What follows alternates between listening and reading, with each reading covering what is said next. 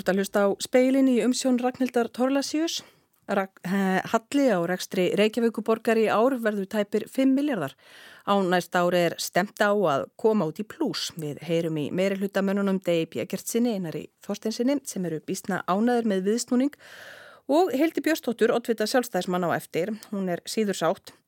Fyrir botnið miðjararhafs færist ofbeldi, ofbeldi Ísraelskra landtökumanna gegn palestínumönnum á vestubakkanum í aukana. Og áskir Tómasson fjallar um það síðar í speklinum en við ætlum að byrja í svartsengi því að HS Orka áformar meðal annars að spröyta niðurdælingavatni á raunjæðra til að hæja á raunrensli og nýta efni úr hóli næsta nákrenni í bráða varnargarð. Það er að segja ef það fyrir að gjósa og raun ógni orkuverunni í svartsengi.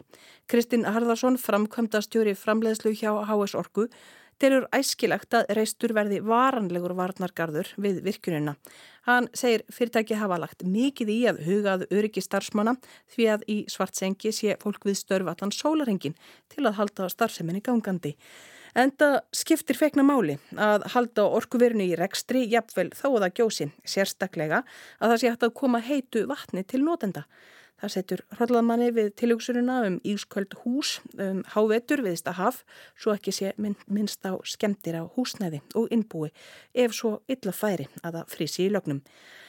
Kristín segir að ekkit stórvægilegt hafi komið upp á í öllum þeim jarðskjaldum sem skekið hafa virkunina undanfarið. Við þurfum samt sífælt að vera að vinna í litlu hlutunum áður en að litlu hlutunni breytast í stóru vandamál. Við leggjum miklu áslá að tryggja órófna starfsemi þrátt fyrir það sem er í gangi og já, við erum búin að búa til ímsar hugbúnaðalösnir til að geta meðal annars eh, fjárstýrt virkjunni og jafnvel mannlausri að öllu leiti frá Reykjanesvirkjun. Það sem að maður er að þýð hafið áhugjur af og almannavarnir er fyrst og fremst heita vatnið. Það eru þessi þetta stóra lagnanett, þessi rauðu rör þarna sem að fólk kannski þekkir sem að eru upp á stöplum aðeins fyrir ofanjörð. Það er það sem að þið hafið áhugir af fyrir utan náttúrulega bara stöðarhúsi sjálft er það ekki? Jú, e, heitavatn okkar fer með, með njárvíkuræðinni e, til Fitja og, hérna, og fer þar í heitavaskema og e, ef það kæmi hrauntunga sem að færi ógna þrjir lögn þá höfum verið að horfa til rálegginga sem að e, innviða hópur um, um varnir mikilvæga innviða hérna, sem er á vegum almannavarna hefur verið að vinna á skilgrina og þar hefur verið skilgrind hérna, ein aðferð að búa til svona raunbrú í raun og veru fergja lögnina með, með möl og sandi og leifa einfallega raunin að renna yfir. Og e, halda áfram í raun og veru bara óbreytti starfsemi með lögnina. Og það hafi verið skilgrindir ákveðnir staðir sem eru liggja látt í landi sem að væri hugsanlegt að grípa til svona aðgerða ef að hérna hraunströmmur væri að stefna þangað. Og það er eh, vísindafólkið á veðstofunni og líka á vegum verkís eh, þau eru komið með hérna hraunflæði líkun þar sem þau keira saman með svona landfræði líkunum og þannig að þau átta sig á hvert hraunið muni leita og þar alveg er hægt að eh, svona búa til kortlagning á því hvert raunnið fer, sérstaklega þegar maður veit hverju upptökin eru. Núna er búið að búa til alls konar raunflæði líkuðin og sem að menn er að gíska á hvað þetta mun koma upp en, en það er náttúrulega bara mjög ónakvæmt að því við vitum ekki hverju upptöki verða. En þegar þetta kemur upp þá verður það fyrsta sem verður gert verður að kera raunflæði líkan og síðan þegar að, hérna, það líkur fyrir þá verður farið í að ráðast með eins snöggum viðbröðum hægt er að, að grípa til svona aðferða, að fergja lagnir eða, eða búa til leiðigarða eða jafnvel varnargarða til þess að hafa áhrif á hraunsströmmin. Og það er ekki hægt að gera það fyrr eða þið viljið ekki gera það fyrr af óta við að mögulega gera illt verra eða hvað? Ég hugsanlega væri hægt að búa til varnargarð og svo myndi bara byrja að gjósa fyrir innan hann. Þetta er erfið spurning að, að gera varnargarðin fyrirfram. Það er að minnst að kosti ekki búið. Þannig að ef þetta gerist á næstu dögum þá munum við fyrst og fremst vera að horfa til svona minni garda og svona með, með stratetíska staðsetningar og til, til þess að þá að bjarga ákveðnum hlutum. Það er besta sem getur gerst og er náttúrulega bara að það myndir róast í næðra. Myndir þú þá sjá fyrir þér til framtíðara því þetta getur þá náttúrulega bara gerst aftur, kemi aftur svona kvíku einskot að það væri farið í einhverjar aðgerðir svona meiri sapna efni, undibúa eitthvað stærri varnagarða til framtíðar eða hvað?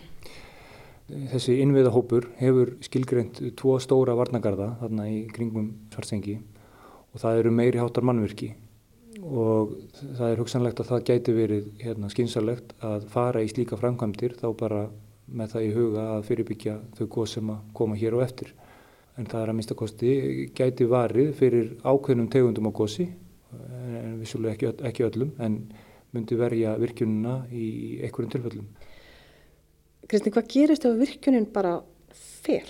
Sko ef að ekkert verður við ráðið og við sjáum fram á það að við getum ekki bjargað virkuninni með, með að hafa áhrif á raunflæðið, þá munum við keira virkununa niður, vonandi myndum við hafa tíma til þess, við myndum fara að loka hólum og loka fyrir þær, við myndum reyna að fergja hólukjallarana til þess að bjarga bórhólunum sjálfum. Og myndi raun renna þar yfir og það myndi þá hjálpa okkur að vera fljótari til að koma starfsemi á einhverju stað aftur að loknu gósi því að það að finna góða bórhólu er, það er mikil verðmætt í því og hérna tekur langan tíma. Þannig að ef að virkunin myndi fara alveg undir hraun þá myndum við vera að skoða að þjónusta bæjarfélagin með öðrum leiðum, finna önnur hérna, vassuptökusvæði. Það er ekkert sem bendir til þess að Suðunasalínunu sé ógnað, nýja Reykjanesvirkjun, þannig að ramar geti komið frá Reykjanesvirkjun eða Suðunasalínu og þannig að íbúabíð geti fengið ramagn og eh, svo hefur verið að skoða nýjar kaldavas upptöku hólur sem eru þá nær byggðunum þannig að það væri hægt að koma kölduvatni. Þetta er allt mjög raunhafar og svona, já, nokkuð aðgengilegar aðgerðir. Heitavatnið er hins vegar miklu meiri höfverkur. Við búum óbúslega vel að hafa jarvarmann og hafa heitavitur á jarvarmannum og við erum orðin mjög vön þeim lífskeiðum en það er afar erfitt að leysa heitavitun og hólmi með einhverjum öðrum kostum. Við höfum verið að skoða og tekna upp mögulega oljukalla, eh, semst brennara sem getur hitta heitt vatn í einhverju mæli til að koma á einhvers konar afhendingu á, á heitu vatni. Sett ákveðin fyrirvara auðvitað við þessar lausn, hún er bæði flókin, dýr og mjög mikil oljubrensla sem henni myndi fylgja. Einning geti þurft að horfa til þess að heita hús með öðrum hætti eins og með ramagsblásurum og uh, hugsanlega þá með gas, uh, gashitturum eins og margir hafa í sun, sínum sumbústað. En svo væri bara kapsmál þá fyrir hásorku að hefja starfsema nýju sem allra allra fyrst þá með forgang á hittavasframlýsluna. Saði Kristinn Harðarsson framkvæmdastjóri framleiðslu hjá HS Orku sem meðal annars er ykkur orkuverið í Svartsengi.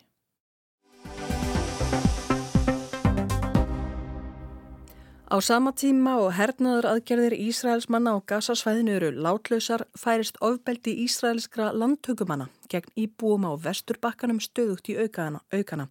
Bandarisk stjórnvöld hafa áhugjur af þessu eins og Antoni Blinken utanrikisra á þeirra komin á í síðustu heimsókn sinni til Ísraels.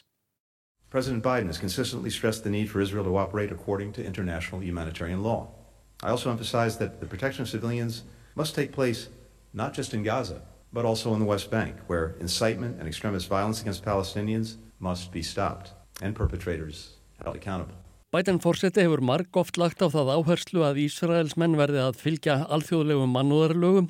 Ég þrýsti einnig áum að vernda yrði almenna borgara, ekki einungis á Gaza, heldur einnig á vesturbakkanum, stöðva ofbeldi gegn palestinumannum þar og draga brótamennina til ábyrðar sagði Antoni Blinken eftir fund með Benjamin Netanyahu fórsetisráð þeirra á förstu dag.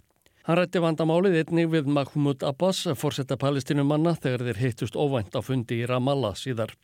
Mánuður er í dag frá því að stríðið milli Ísraels manna á hríðiverka samtakana Hamas á Gaza braust út. Frá fyrsta degi hefur ofbeldi Ísraelskara landtökumanna á vesturbakkanum gegn palestinskum nágrunum þeirra aukist stöðugt. Á VF efnahagstímaritsins Economist kom fram í gær að Ísraelskir landtökumenn og herrmenn hefðu orðið að minnstakosti 155 almennum borgurum í landslutanum að bana. Þar af fjallu fjórir á aldrinum 20 til 25 ára í gær í Tulkarem þegar herrmenn skutu á þá. Talsmaður Hersins sagði að þeir hefðu verið hriðiverkamenn sem hefðu staðið að árásum á Ísraelska ríkisborgara. Síðasta ár var þið blóðugasta í 20 ára á Vesturbakkanum. Hópar landtökumanna gerðust æg ofbeldisfyllri og herin jók árásir sínar á palestinsk þorp og bæi. Síðustu fjórar vikur hefur mann fall á svæðinu hins vegar verið meira en allt árið í fyrra. Að sögn frétta manna á vesturbakkanum eru sumir hópar landtökumanna að hefna fyrir árás Hamas á Ísrael 7. oktober. Hún kostaði um 1400 manns lífið, aðalega almenna borgara, þar á meðal konur og börn. Aðrir nota tækifærið til ofbeldisverka meðan herin er önnum kafinn annar staðar, engum á Gaza og við landamæri Ísraels og Líbanons. Vegna þessa eru palestinum menn vervarðir en alla jafna. Hópur landtökumanna myrti fjóra palestinum menn í síðasta mánuði bærum Kustra, suðaustan við borgina Nablus. Næsta dag þegar þeir voru bornir til gravar voru tveir menn til viðbótar skotnir að sögn bæjarstjórans. Hann greindi frettamönnum frá því að Ísraels herr hefði sagt að leiðin að gravreitnum væri örug, en þeir sátu fyrir okkur saðan. Við gengum beint í hóp landtökumanna sem léttu grjóti og bissukúlum rigna yfir okkur. Bæjarstjórin sakaði herinum að halda verndar hendi yfir ofbeldismönnunum. Saminuðu þjóðurinnar hafa marglýst yfir þungum áhyggjum af ástandin á Gaza. Lís Trossel, talsmaður mannriktindastofnarinnar, sagði á sameinlegum frettamannafundi nokkura mannúðarstofnana samtakana að ofbeldisverk hópa landtökumanna hefðu aukist til muna á síðustu vikum. Þau væru að meðaltali sjö á sólaring og í þriðjungi tilvika beittu þeir skotvopnum. We have documented that in many of these incidents, settlers were accompanied by members of the Israeli forces, or the settlers were wearing uniforms and carrying army rifles. Við höfum staðfæstar upplýsingar um að í mörgum tilvikum voru landtökumennirnir í feild Ísraelskra hermana, voru jafnvel í herbúningum og vorum vopnaðir herriflum, saði Trossal. Hún bætti við að landtökumennunum væri ekki refsað fyrir ofbeldisverkin og svo virtist sem þeir getu hegða sér að vild með samþykki hersins og yfirvalda. Einugist tveir hafðu verið handteknir fyrir að skjóta palestinskan bonda. Að minnstakosti þúsundi palestinum menn sagði hún að hefðu verið reknir af landaregnum sínum síðustu vikur. Hátti 2000 hefðu verið handteknir og vitað væri að tveir hefðu látist í haldi. Að öðru, áhrif ástandsins fyrir botni miðjarar hafst tegja sig í það. Þau ná meðal annars til ferðaþjónustunnar í nágræna ríkjum Ísraels og Palestínu. Bandaríska fjármála þjónustu fyrirtæki Standard Poor's byrti skýrslu í dag þar sem líst er áhyggjum vegna lækandi tekna í Egipta af komum ferðafólks til landsins. Sérfræðingar fyrirtæki sinns áallega að þjóðartekjur í Egipta lækki um 10-30% vegna stríðsins. Það þýði að líkindum að gælderisforðin drægis saman um 4-11%. Stríðið hefur einnig umtalsverði neikvæð áhrif og tekjur af ferðaþjónustunni í Jordani og Líbanon. Samtals telur Standard Poor's að heldar tap vegna samdráttar í greininni nemi rúmlega 16 miljardum dollara um 2300 miljardum króna. Þetta getur leitt til umtalsverðara efnahagslegra vandamála í löndunum þremur að mati sérfræðinga fyrirtækisins. Í skýrslunni segir að ferðafólksi þegar farið að fresta ferðum sínum til miðusturlanda á næsta ári eða hætta við þær. Margir óttist að stríðið eigi eftir að stegumagnast eftir því sem tímar líða. Ferðaskrifstofur víða um heim hafi þegar aflýst ferðum með flugvilum og skipum fram á næsta ár. Ásker Tómasson segði frá.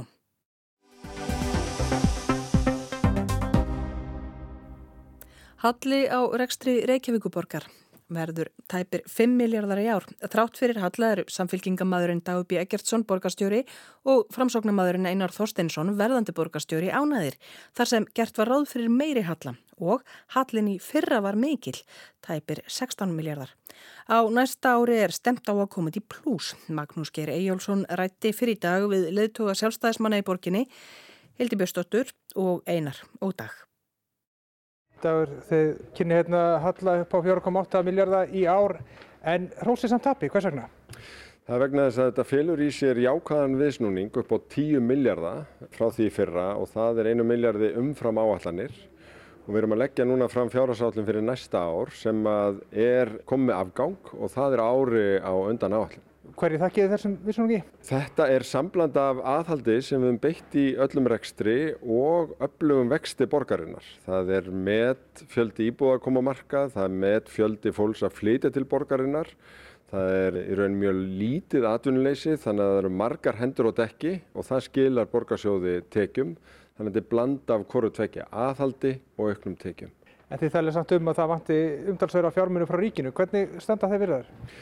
Þær eh, eru vonandi að komast á enda með sangjadri niðurstöðu sem er full fjármögnun á máluflokki fallarsfólks Þetta er algjört líkilatriði í fjármálum allra sveitafélaga til framtíðar og ég vona að það komi niðurstaða fyrir raun aðra umræðu fjárlaga sem er síðar í þessu mánuði því að var búið að bóða botni þetta í raun í byrjun oktober. Þið talið um að það hafa verið að hagraða og muni gera á næsta ári. Hvar mun það sjást? Við Eh, höfum auðvitað komið mjög víða við en vonandi án þess að fólk hafi fundið fyrir því því sem mestu máli skiptir sem er grunnþjónastan og það verður áfram leiðaljósið hjá okkur.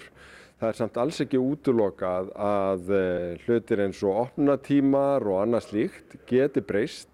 Þá erum við að byggja upplýsingum um hvenar þjónustan er mest sótt og svo auðvitað þegar um er að ræða umsóknur og annað slíkt að þá erum við að færa okkur yfir í stafræna umbreytingu. Eru gælskrarhækkanir inn í þessari áallin? Munir það hækka?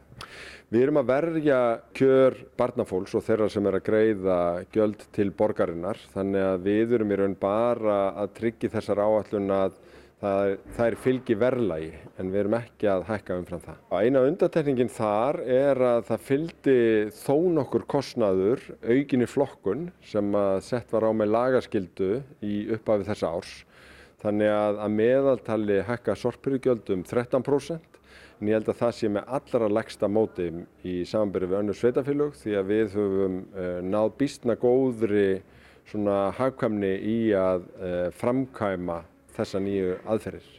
Einar, það kemur nú í þinn hlut sem borgastöru að framfylgja þessari áallun. Tilur þið taka við góðu búi? Við erum ennþá í halla. Við gerum ráð fyrir því að ná yfir núlið eh, á næsta ári. Við erum að sjá með þessari eh, fjárhásáallun núna að aðgerðina sem við reynumst í síðasta haust, það er að skila árangri. Og það er bara afar ánægilegt. Við erum bara ábyrg en óhrætt við að taka á rekstrinum og eh, áallurinn til næsta ás. Hún gerir ráð fyrir því að við skilum afgangi og það er bara afar ánægilegt en hallin er samt sem aður 5 miljardar sem er ansið mikið og ekki svolítið sérstaklega er einhvern veginn að vera hrósa happi yfir 5 miljardar halla? Já, við erum bara að taka við erfiðu búi. Það er bara staðan. En, en við erum óhrætt við að taka erfiðar ákvarðanir og við sínum ábyrði í rekstri við höfum verndað framlýnu þjónustuna, viðkvæmum málaflokkan okkar, eh, leikskólamál og grunnskólamál og yfir skona velferðarþjónustu. Við erum líka í vexti, við erum að stiðja við húsnæðisuppbyggingu, þannig að allt kostar þetta. Mér finnst mikilvægt að eh, horfa inn á við, horfa inn í kerfið, hægra það eins og við getum uh, þar, en, en láta borgarbúa finna sem minnst fyrir þessu. Ég meina þetta er langtíma verkefni að snúa við svona hallarekstri. Þið dróðu fjárfæstingum og ætlaði að halda í við ykkur á næsta ári. Hvenar var búast við því að fjárfæstinga fari bara í eðlert horf? Reykjavíkuborg hefur verið að fjárfæsta gríðarlega á síðustu árum. Uh, núna eru lánamarkaðir þannig að það er engin skynsum í því að halda uh, óbreyttum takti. Þannig að við erum að draga umtalsvert uh, saman í fjárfæstingum en veldu fyrir frá rekstri líka að aukast. Það er að segja það sem við eigum afgangs til þess að borga niður lán eða sleppa því að taka lán. Þannig að, að það styrkir myndina en þá skiptir máli að forgansraða rétt. Meiri lutin talar um mikinn viðsnúning, þið sjá hann ekki, hvað sér ekki? Já, þau tala um 10 miljardar viðsnúning milli ára en þegar að betur er að gáða þá sjáum við að laun og rekstrakostnaður milli ára hækkar gríðarlega en samhliða aukast tekjur miklu meira og í rauninni misburun á milli þess að tvekja þátt að eru 10 miljardar einmitt. Þannig að halda því fram að 10 miljardar hafi verið sóttur í einhverjar hagraðingar, það eru þetta allránt því að öll útgjöld þau aukust milli ára en tekjur hins vegar það var svona selst enn dýbra í vasa skattgreðenda hér í borginni þannig að það er þar sem að þangað sem viðsnúningurinn er sóttur. Var eitthvað sem þið söknuðu, hvað hefðu viljað sjá í þessar áallin? Já, við hefum bara viljað sjá að staði væri við þessar hagraðinga aðgerir. Það var bóðað að hér væri framöndan einhverjar mestu hagraðingar frá hruni og svo þegar við sjáum niðurstöðuna þá kemur auðvitað bara í ljósa, það er ekki búið að skera neitt niður í, í yfirbyggingunni, það er ekki búið að lækka launaliðin svo nokkru nemi þvert að móti vextan og saman má segja um rekstrakostnað og þvert að móti að þá eru tekjur borgarinnar sem koma beint frá heimilónum og atvinnulífi að aukast umtalsvert og við auðvitað lýsum að þessu miklu ágjum. Þetta var heldur Björnsdóttir, leðitói sjálfstæðisflokksins í Reykjavík. Magnús Ger Ejjólfsson rætti við hana, Dagabí Eggertsson borgarstjóra og Einar Þorsteinsson verðandi borgarstjóra. Fleira er ekki í speklinum, tæknimaður var Kári Guðmundsson, hægt er að lusta á speilin í spilararúf og helstu hlaðarpsveitum. Verðið sæl.